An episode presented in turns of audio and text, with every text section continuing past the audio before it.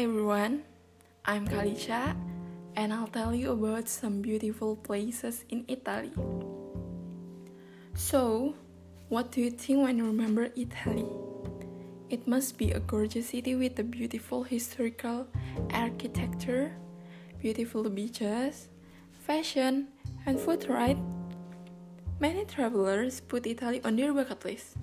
Has a wonderful glam and gorgeous nightlife, or endless night parties, and throw in some gelato and wine for a perfect, memorable holiday. For the people who visiting Italy for the first time, Milan, Rome, Venice, and Florence usually make the must visit list. I do not say it is not worth it to visit those cities, but you must battle the crowds. Sometimes the best experience is going slower and visiting fewer cities. For those who do not mind skipping the more popular cities, Italy has several wonderful destinations. You can explore a hidden gem of Italy, Castelmezzano, a village without hassle of working navigating between the towns. Castelmezzano is a village in the province of Potenza, in the southern Italian region of Basilicata located at roughly 900 meters above the sea. And also, Castelmezzano isolated in the mountains and surrounded by the cliffs. So, there are so many hiking tracks.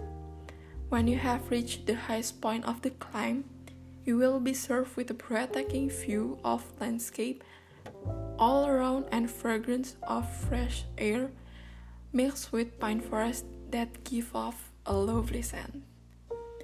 The Romanesque facade of Santa Maria dell'Olmo Church and Madre di San Giacomo Church are also worth visiting while you are visiting Castelmezzano.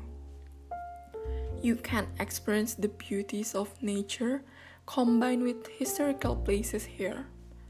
During July to September in the summer season, you can enjoy an exciting adventure by riding a zip line in the Superman position between Pietraposa and Castelmezzano on the Il Volo dell'Angelo, or called the Flight of the Angels, which offers a magnificent scenery from the top.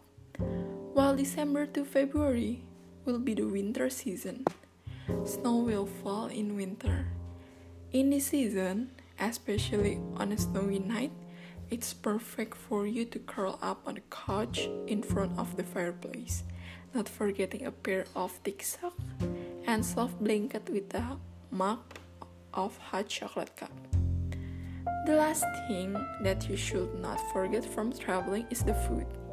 The typical food of Basilicata, simple and fragrant, is entirely based on a few local products, wisely combined in typical and very traditional dishes.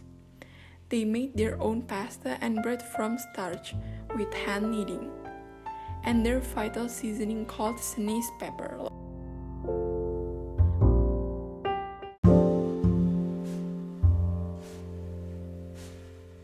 Locals add to almost everything, giving it a wonderful sweet and smoky flavor. There is a famous cuisine named Spezzatino di Angelo, where the lamb is stewed in earthenware pot with potatoes, onions, bay leaves, and Senise pepper, which create more authentic and smoky flavors. Consider all the things above Castelmezzano. It's perfect for those who you want to have a relaxing vacation. The city is not too crowded like some cities in Italy, but you can still enjoy the sights, historical places, and Italian food